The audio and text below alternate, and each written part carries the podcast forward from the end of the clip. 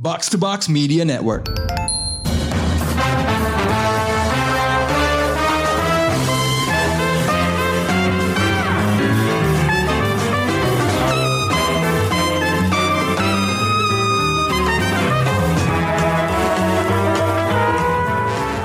Showbox, Anglo Review balik lagi dengan sebuah film sci-fi futuristik dengan tema yang lagi hangat saat ini, yaitu Artificial Intelligence.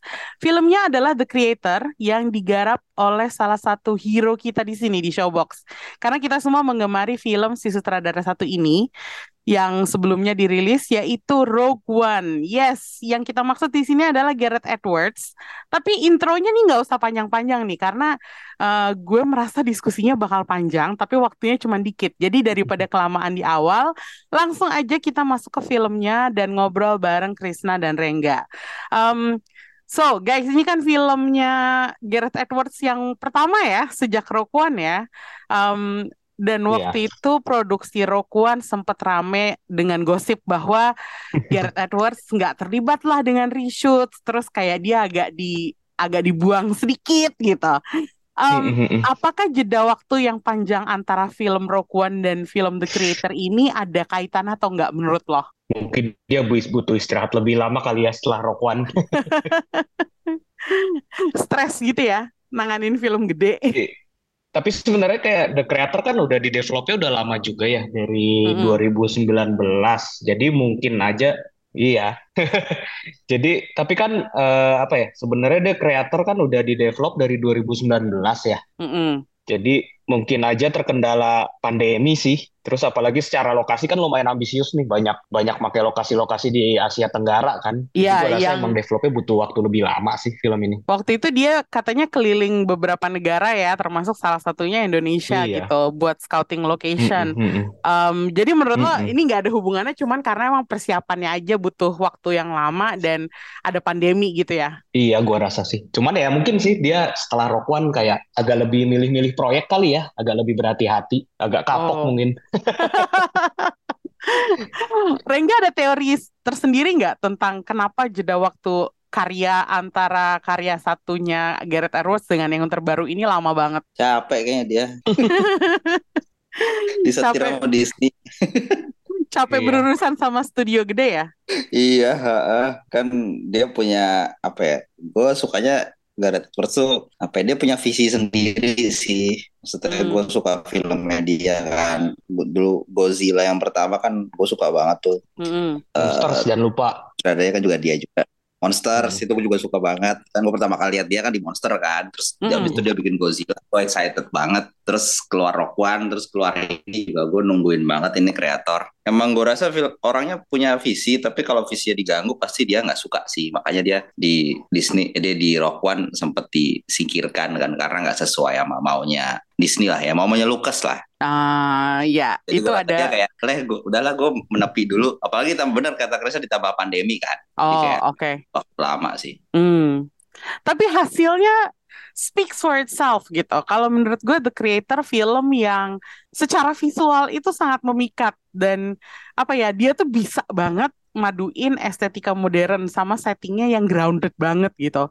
Lo teringat gak sih film lain pada saat lo nonton film ini lo eh, inget nggak ada film-film lain yang yang mengevokasi gambar atau perasaan yang sama gitu pada saat lo nonton? Kalau secara visual aja berarti ya. Terserah sih visual atau Oh. emosi juga boleh karena itu semua Kalau- nyatu kalau buat gue. Iya sih. Kalau secara visual kan emang mirip kayak dia sebut juga sebagai salah satu inspirasinya kan Apocalypse Now ya. Mungkin Mm-mm. itu karena lokasinya kali ya di Asia Tenggara kan. Terus sama Iya. Akira juga dia sebut kayaknya sebagai salah satu tuh karena mungkin kota yang di Asianya tuh bentuknya agak-agak mirip sama New Tokyo-nya Akira gitu ya. Oh, Eh, tapi kalau tapi selain itu gue juga lumayan teringat justru sama Rock One dan mungkin Cepi Ah. kali ya kalau kalau secara Chappie, visualnya. iya Heeh.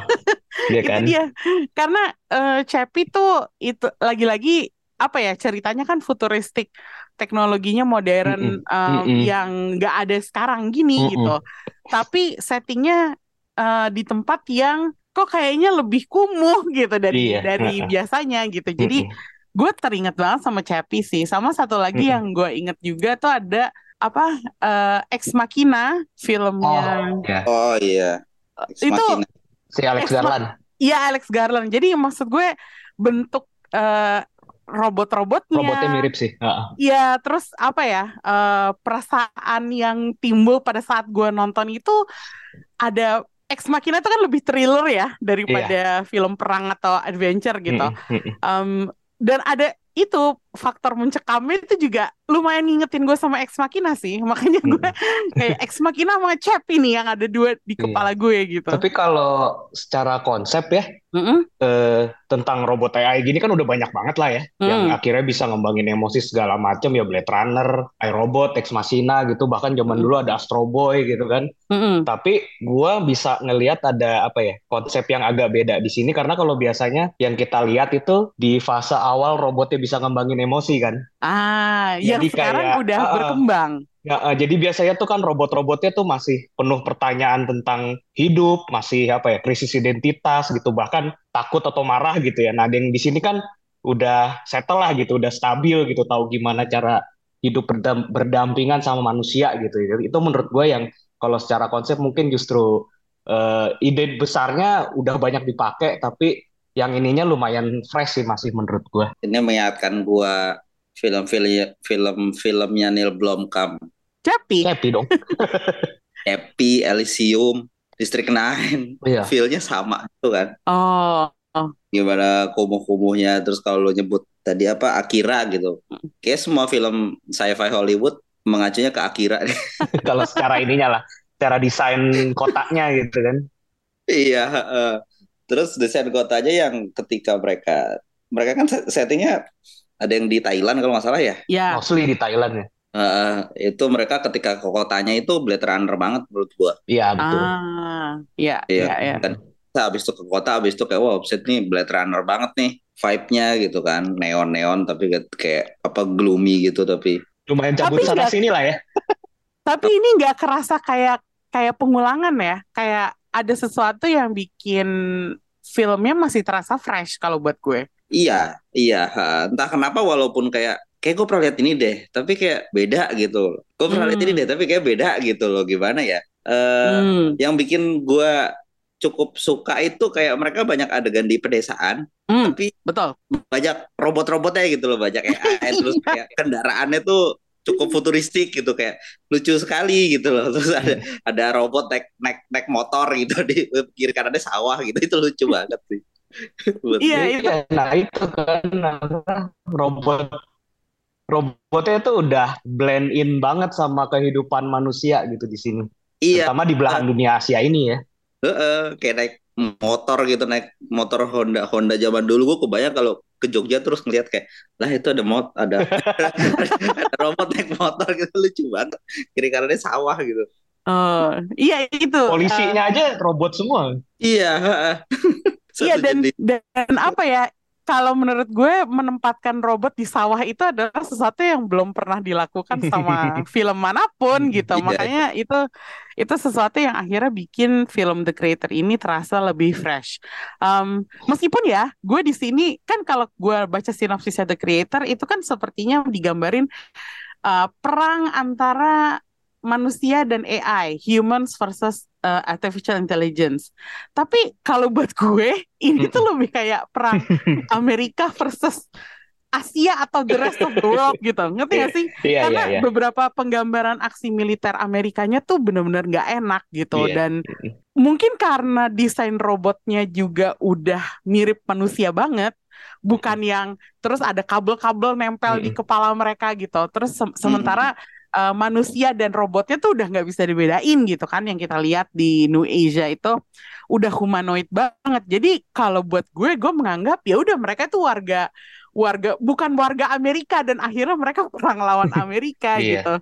Jadi menurut lo film ini tuh sebenarnya tentang apa versus apa gitu? Buat lo apakah ini lebih Eh, ke manusia versus robot kah atau apa ya? enggak juga sih, gue nggak ngerasa itu sih. Gue lebih ke ini loh, apa kayak penggambaran eh, kelompok yang diskriminatif, eh, penuh prasangka gitu kan. Terus sebenarnya cuman mau jadiin AI senjata ngelawan kelompok yang sebenarnya udah bisa nerima kehadiran AI, terus udah bisa hidup harmonis gitu kan.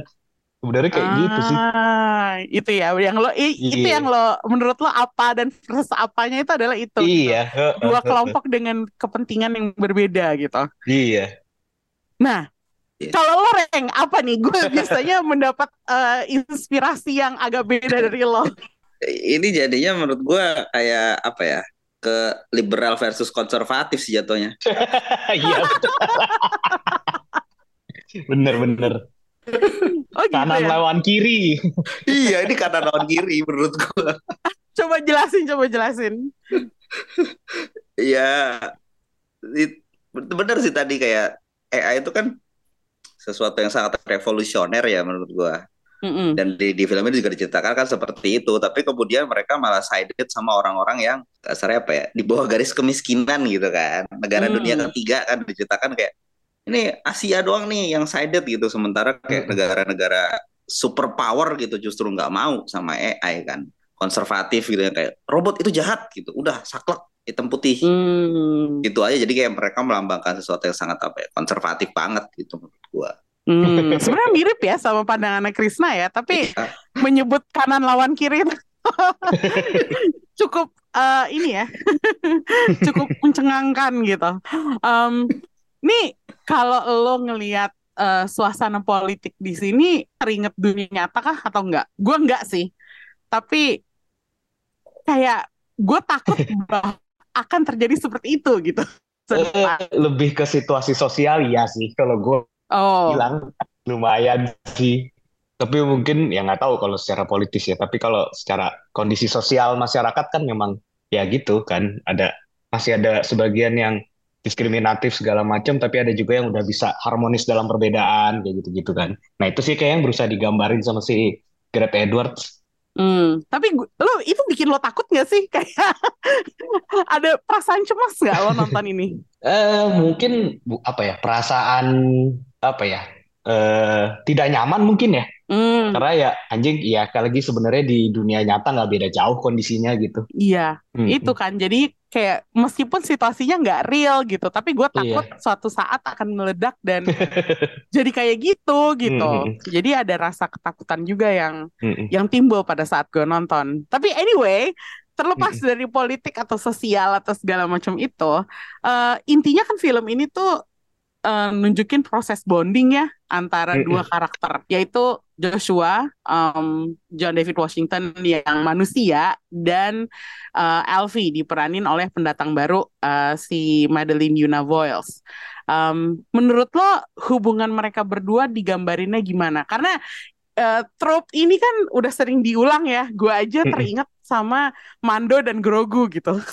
Secara gue baru nonton Mandalorian tiga Ya. season, langsung gue teringat sama ada sosok father figure yang harus ngurusin bocah selama road trip gitu. Mm-mm. Dan ini ini yang terjadi di The Creator pada intinya gitu, esensi dari ceritanya gitu.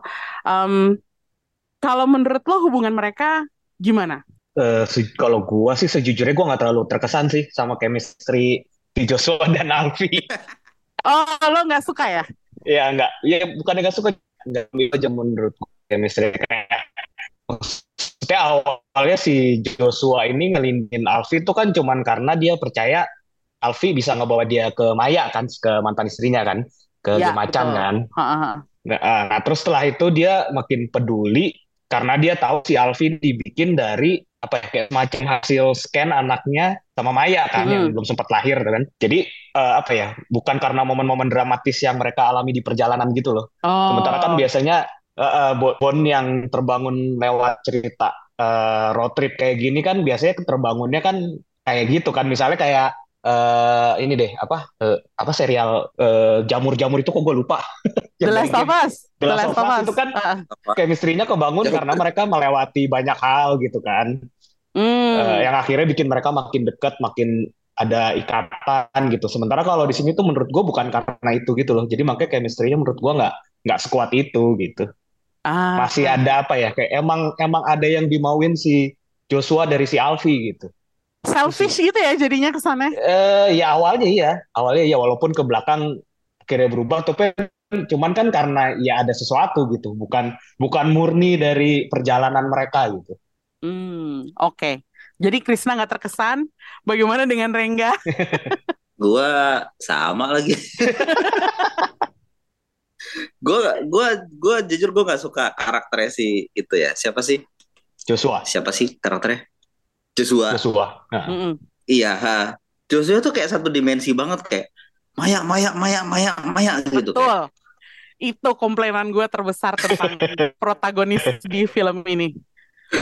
Padahal lu kan udah kayak ada ada apa ya? Paling nggak lu kasih dimensi lain gitu lu udah ada karakter si Alfi gitu. Dia baru bener tadi begitu dia baru peduli sama Alfi ketika tahu bahwa itu kayak apa ya semacam cloning dari anaknya dia kan gitu. Mm-mm. Baru dia mulai sedikit peduli itu kayak sebelumnya kan kayak oh lu harus nunjukin Maya nunjukin Maya gitu kayak Mm-mm. apa sih ganggu lu gitu. Ini tuh banyak hal yang terjadi selain selain selain lu harus nyari Maya gitu, tolong dong gitu. Gengges banget dinya si si Joshua ini gue sebel banget sama dia sampai akhir juga kayak akhirnya dia nemuin Maya kan tapi kayak "Eh, ya udah deh gitu. terserah Jadi lu. menurut lo apakah film ini gagal menampilkan protagonis yang simpatik gitu? Karena buat gue kegagalan terbesar adalah Joshua sih, jujur aja. Iya iya iya iya kurang apa ya? Itu satu terlalu satu dimensi menurut gua karakternya dan Hmm. dan padahal ini kan filmnya sangat apa ya, sangat karakter driven kan. Mm-mm. Apa yang dia Harusnya, ya, lakukan, harusnya. eh, apa yang dia lakukan bakal mempengaruhi jalannya cerita kan. Mm. Tapi sementara karakternya sendiri sang nggak menarik menurut gua gitu. Jadi fail sih menurut gua karakternya di sini. Ah, apalagi balik ke tadi eh, apa namanya hubungan dia sama si Alfi juga tidak terbangun dengan baik sih menurut gua walaupun udah banyak kayak adegan-adegan yang kayak diceritakan mereka bonding gitu ya tapi kayak nggak kena aja gitu nggak kena lagi gitu jelek lagi ke bondingnya gitu coba emang si Al Al- Alfinya aktingnya bagus sih jadi cukup ah, membantu justru lah. malah Alfie eh, aktingnya si Madeline Yuna itu mengangkat aktingnya John David Washington kalau buat gue. iya betul betul betul ngebantu jadinya ngebantu hubungan mereka jadinya Hmm. Iya sih. Nah, ini lagi-lagi ya, eh, gue pengen nanyain tentang karakter dan penampilan siapa di sini yang menarik. Karena kalau menurut gue, baik Joshua maupun Maya itu dua-duanya sama-sama jelek. Kayak gue nggak peduli, gue Iya, nggak iya. peduli sama nasib dua orang ini gitu. Terserah mereka mau ngapain, yang penting ya udah anaknya selamat aja. Gitu. Jadi gue kayak gue malah lebih tertarik sama karakter si kolonel yang em, ngerekrut si Joshua, si Oh, yang Jamie cewek ya? gitu. Ha-ha. Iya, iya, iya. Maksudnya ini aktris, gue tahu dia biasanya tuh main jadi ibu-ibu biasa gitu, yang kadang oke antagonis juga gitu, tapi gue nggak pernah lihat dia sebagai orang militer. Dan Hmm. ternyata dia jadi tentara yang tough bitch banget gitu. Dia mainin karakternya tuh emang nyebelin, tapi kok bagus gitu. And then mas dia tuh ini gede banget gitu dan ini bikin gue kagum jadi gue lebih tertarik lihat karakter-karakter kecil yang sebenarnya mungkin porsi ceritanya nggak signifikan ya tapi entah kenapa jauh lebih mencuat dan menonjol daripada si John David Washington dan Gemma Chan gitu Iya, iya, iya. Iya. Kalau lo ada nggak yang lebih lo kagumin daripada Iya. dua orang itu Gue penggemar game macan, tapi sejujurnya lagi nggak mengesankan sih emang. ya gue gue gue suka suka banget film ini karena visual dan konsep ceritanya gitu ya. Mm-mm. Tapi andai karakter-karakter itu juga kuat, gue pasti nganggep eh, film ini tuh salah satu film apa ya sci-fi yang sempurna lah. Tapi sayangnya ya itu, jadinya enggak sih. Ini ada yang menarik buat gue karakter. miscasting apa gimana sih Chris menurut lo? Menurut gue bukan bukan masalah casting sih, kayak emang skripnya skrip untuk karakter-karakternya emang kurang solid aja sih. Kalau menurut gue. Oh oke Mm-mm. Oke. Jadi lo dia macan udah lo suka tapi ternyata di sini dia nggak berkesan Iya ya. bener, flat banget gitu, Iya. gitu doang udah. Terus ada lagi nggak yang lo tertarik selain nama-nama ini? Enggak sih bener gue, Nggak ada ya. enggak. Bahkan anak kecilnya buat lo nggak nggak berkesan. Wow, oke. Em, Reng, lo ada yang lo tertarik nggak sama karakternya? Kok kayaknya kita krisis karakter banget sih film ini. Iya paling sih itu aja sih bocahnya itu menurut gua adegan meweknya bagus sih adegan nangisnya. Oh, Terus Ya. entah kenapa gue tertarik sama satu karakter robot yang meledak gitu. Yang bunuh Yang diri. meledak yang mana? Yang mana? Bukannya bunuh diri, Oh. salah satu anak buahnya si itu siapa orang Jepang itu? Lupa. Oh, iya iya iya. iya. Ken Watanabe. Iya kan ada satu anak buahnya yang robot tuh yang cuma nongol bentar doang habis Iya itu iya. kayak dia udah ditarget kan terus kayak dia mau lari ke gubuk tapi banyak orang-orang terus kayak dia bingung gitu akhirnya meledak Terus gitu. dia- Boom. Terus dia ini kan dia kabur dari maksudnya ya maksudnya dia nggak mau eh, ikut ada korban lain kan makanya terus dia pergi kan. Betul, gue lebih peduli dia daripada Iya Joshua. betul. Itu human dari humannya sendiri. Iya, itu menurut gue oh, emang nggak bisa dihidupin lagi. Itu ada kayak apa ya? Walaupun mukanya dia kan mukanya masih robot ya, nggak nggak nggak yang terlalu humanoid kan? Iya, robot banget Tapi- itu kan. kayaknya. Iya, tapi lu bisa rangkap kebingungan dia pas kabur kan? Iya, Anjing, gua ke mana nih gitu kan? Aduh, ada orang lagi. Wah, kasihan ntar kena. Ada banyak ada, anak kecil, ada ibu-ibu gitu. Iya, Gua lari bahasa ke tempat lain aja deh gitu. bahasa Hmm, tubuhnya bagus iya. gitu kayak ke- kelihatan bingung gitu, kelihatan bingung kayak, Hmm. aduh ke mana nih gitu. Akhirnya dia meledak gitu kan, boom Iya. gitu kayak. eh. Jadi satu momen bisa lebih ekspresif dari game macan sepanjang film. Iya, Eh, ini kalau menurut gua ada karakter India yang Hmm. lebih bagus daripada si si John David Washington. Itu yang jadi polisi yang Polisi, pertama ya. kali eh, eh, Iya, dia iya, iya, iya. eh, nangkep tentara Amerika tapi terus diserang kan. Terus Mm-mm. habis itu dia jadi robot yang nge-tracking si Joshua. Iya. Itu aktornya namanya Amar Shada Patel. Dia tuh main di Willow sama The Wheel of Time yang gue juga nonton. Mm-mm. Jadi gue kayak dia aja yang aktor minor gitu jauh lebih memikat di layar buat gue daripada Ngasih- si ngasih dampak. Iya, paling nggak dia masih ada apa ya? Masih ada. Gue sih ngelihatnya, wah dia berkesan nih. Gue inget sama karakter dia, tapi Joshua kayak eh, apa ya? Dia ngapain ya? Dia ngapain aja ya? Kayak apa ya? Aduh, gue gue merasa ini tetap kalau dimaininnya sama orang lain selain John David Washington mungkin lebih lebih bisa berkesan sih. Maksudnya Jadi ada bobot emosinya gitu. Iya gitu. Gue nggak tahu apakah ini arahannya apa skripnya, tapi dia tuh mainin Joshua tuh American banget. Makanya tadi Oh gue iya bilang, bener. gue bilang di awal kan, ini kesannya seperti Amerika versus the rest of the world karena protagonisnya tuh si sikapnya tuh American banget gitu dan mm, mm. itu lumayan disturbing sih. Kayak harus banget ya lo mainin orang Amerika banget gitu. Perasaan di Tenet dia nggak kayak gitu deh. Iya. Makanya gue Iya, di, di Tenet gue suka. Makanya gue cukup optimis dia bisa main bagus di sini ternyata kayak zong banget gitu. Ya, makanya menurut gua kayaknya emang di skripnya emang ditulisnya begitu gitu. Aduh, parah banget sih. Em, Oke deh, eh, setelah kita misu-misu soal John David Washington, em, kita ngomongin, eh, kita tadi di awal udah sempat ngomongin ya, ada juxtaposisi antara teknologi modern dengan setting yang grounded banget, yang Asia banget. Dalam dalam kata lain desa gitu, literally Sawah, desa ya. gitu, sawah gitu.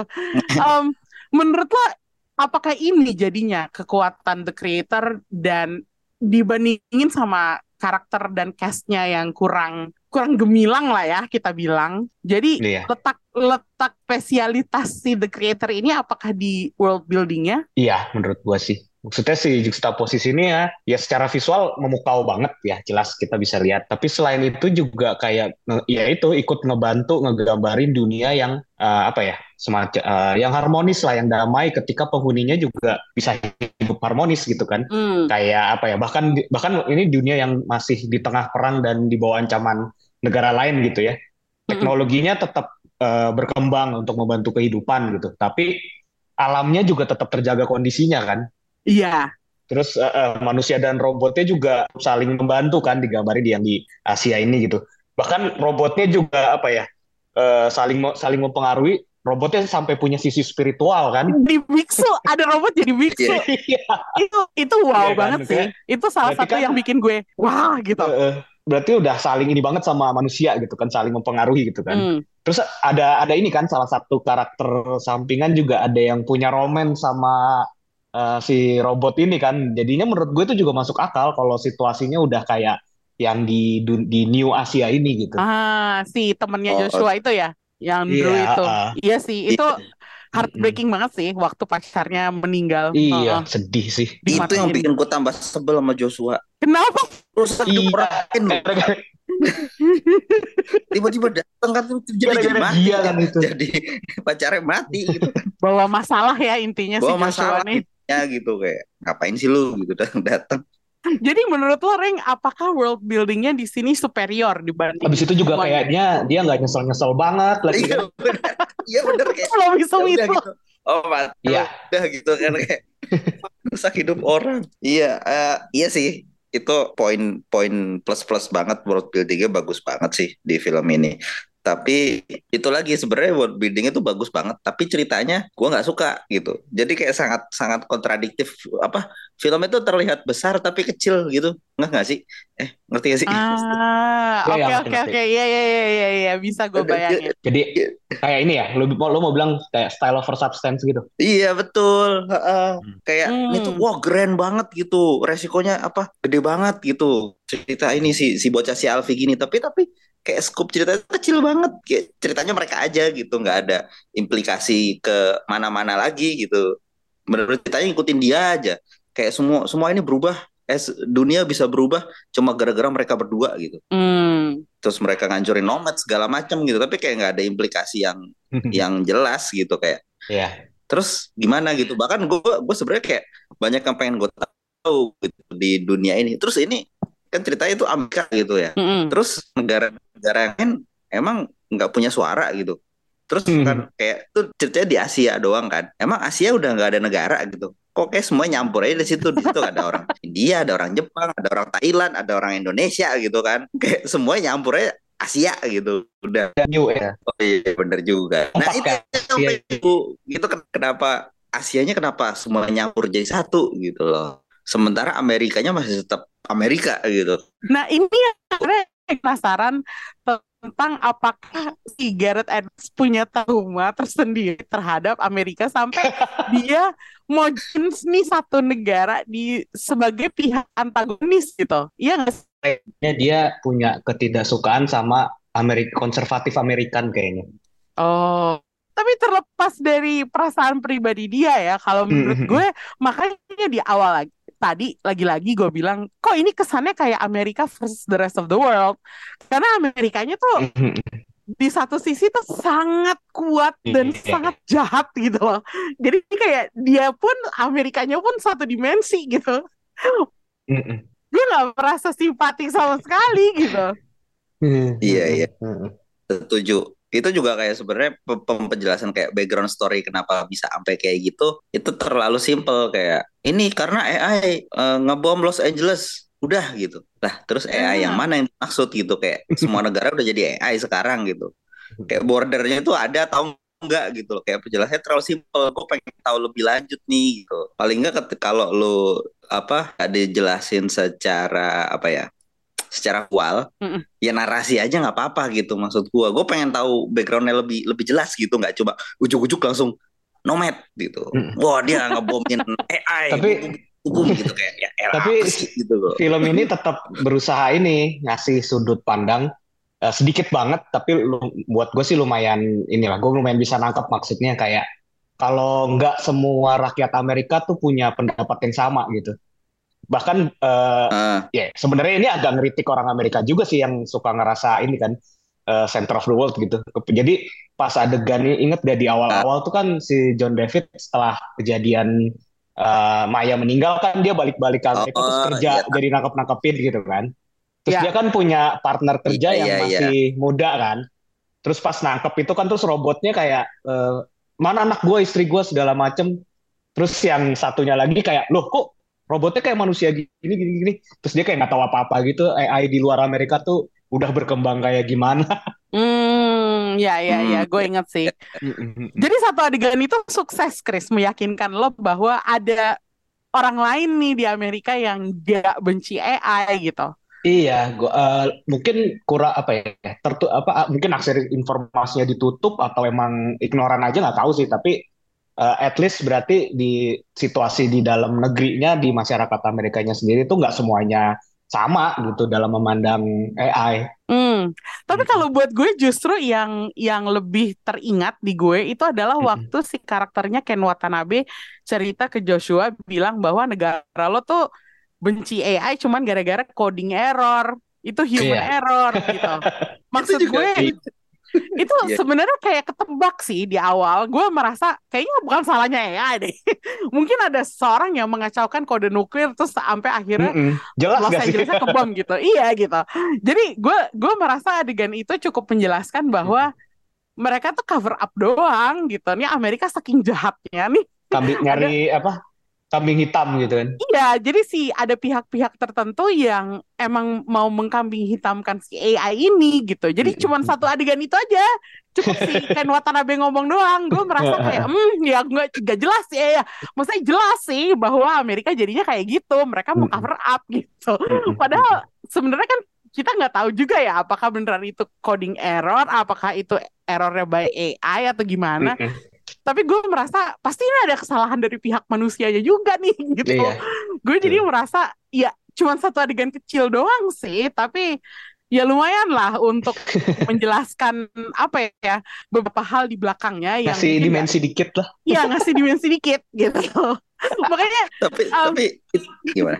ya gimana Reng? Uh, Um, tanggapan lo? Apa ya? Buat gue justru itu menambah pertanyaan baru sih. Bet ya bener deh. Kayak kayak ketika si Ken Watanabe cerita kayak gitu. Oh gitu. Tapi itu kan kejadiannya udah bertahun-tahun yang lalu, Le. Bertahun-tahun yang lalu kan. Jangan-jangan itu cuma kayak jadinya hikayat doang, lo nggak? Jadi kayak Di, di, tahayul di jadi antara di antara para AI gitu ya. Iya diceritakan bertahun-tahun begini begini begini begini padahal kan kita nggak tahu aslinya kayak gimana gitu.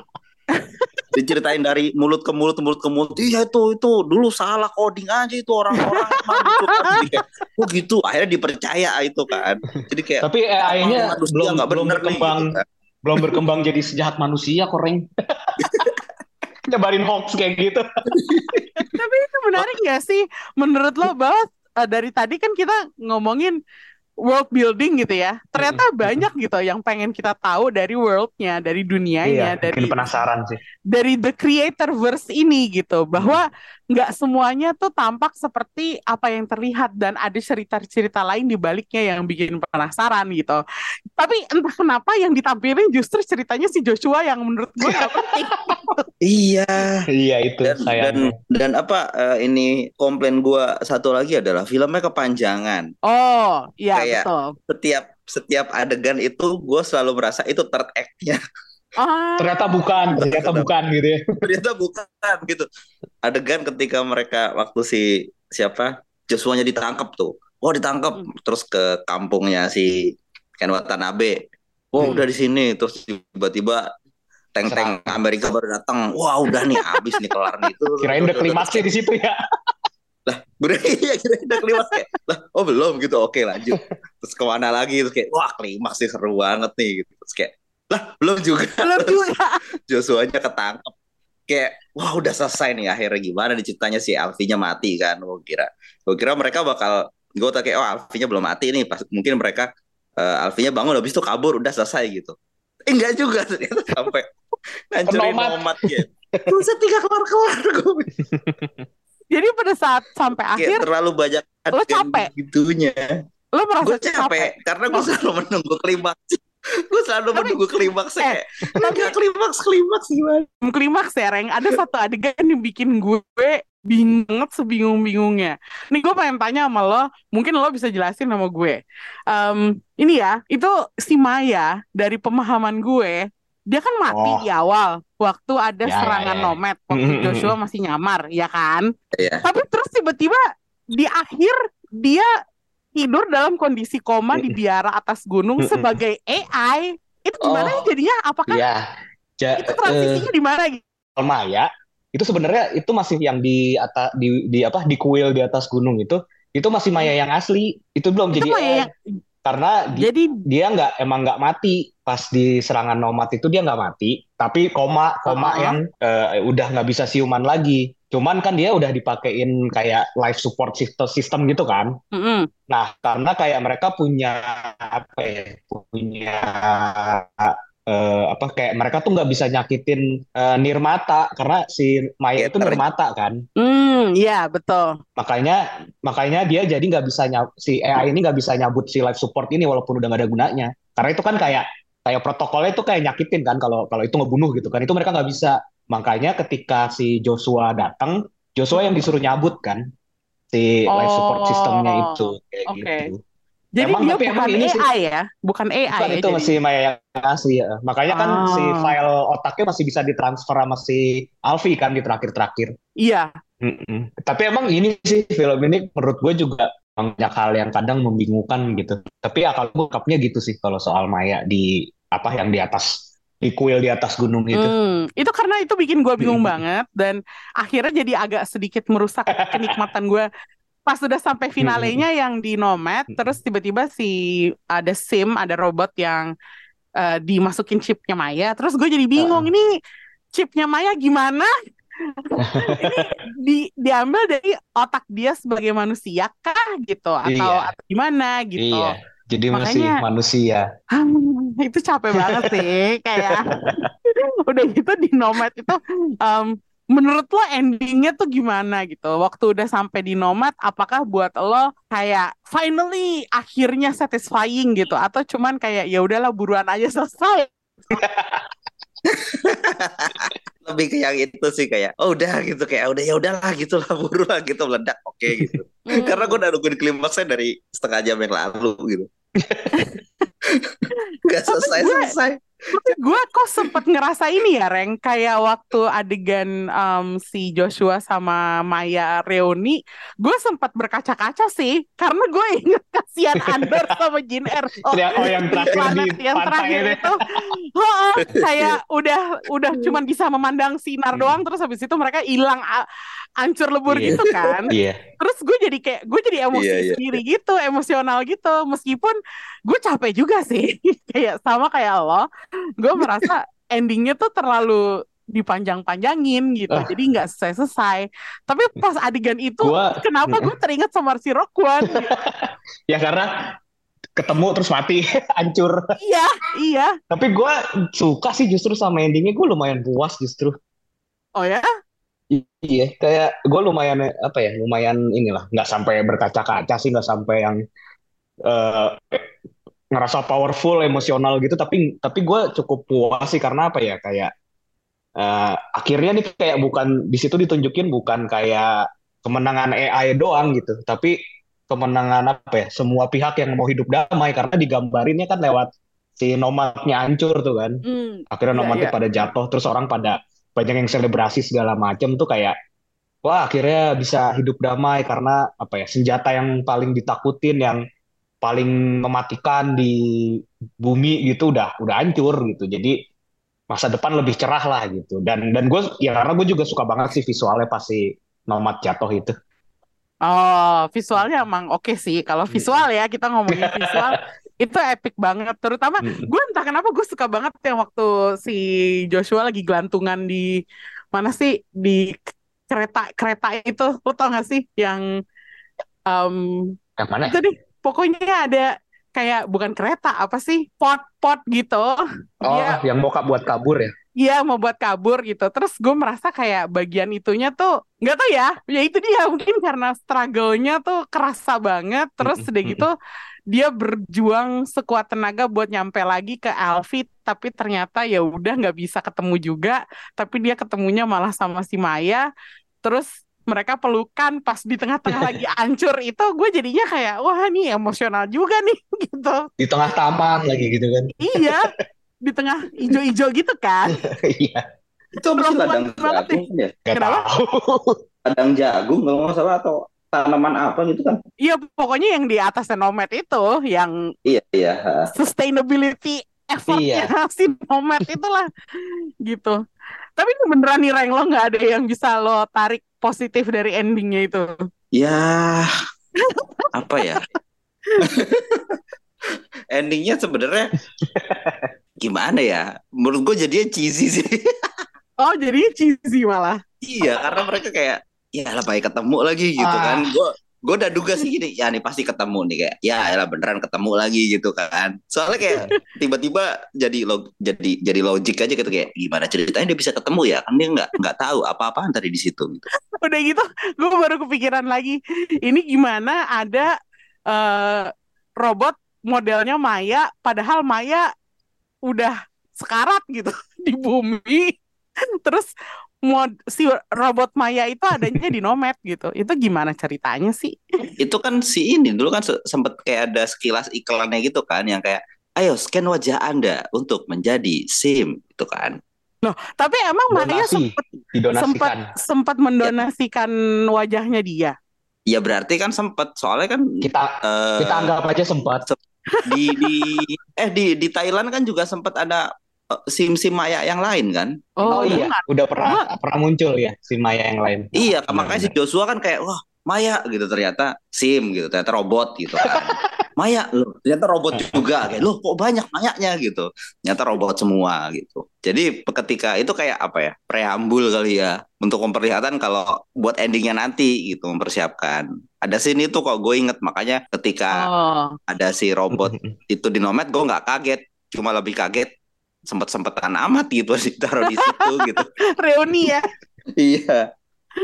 Ah, sepertinya Rengga nggak ada yang menyelamatkan nih endingnya dari komen negatif. Tapi setidaknya apakah film ini mengubah cara lo memandang AI? Karena kalau buat gue enggak, karena ceritanya AI-nya beda ya sama AI yang sekarang lagi diomongin banyak orang. Kayak Iya.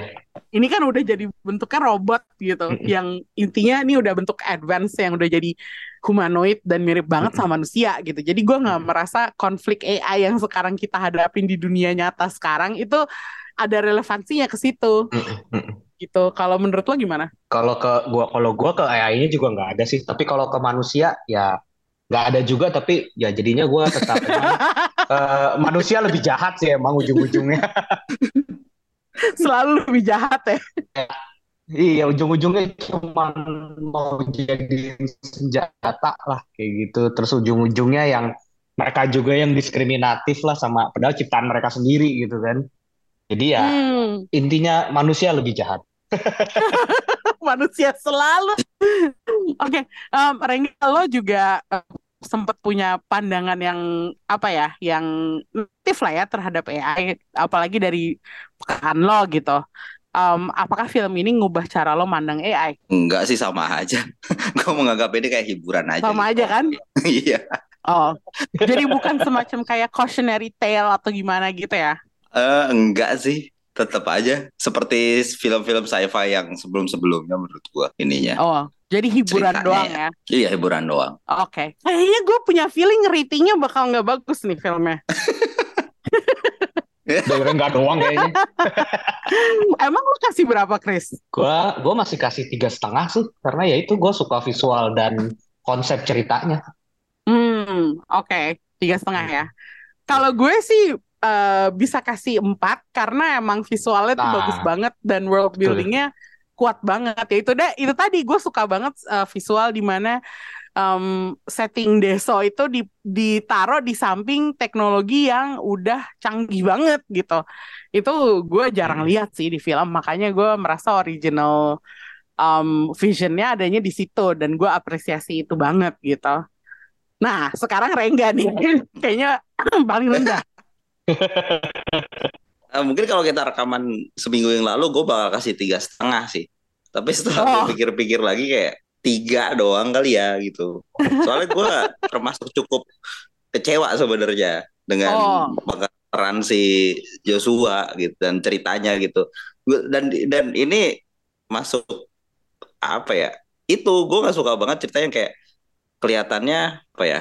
eh, grand tapi kecil gitu loh. Jadi kayak aduh sayang banget lagi gitu loh. Hmm. Padahal world buildingnya bagus banget, tapi ceritanya kok skupnya kecil banget ya gitu. Dan, Tahu nggak dan sih, ini tuh semua salah Joshua kalau menurut gue.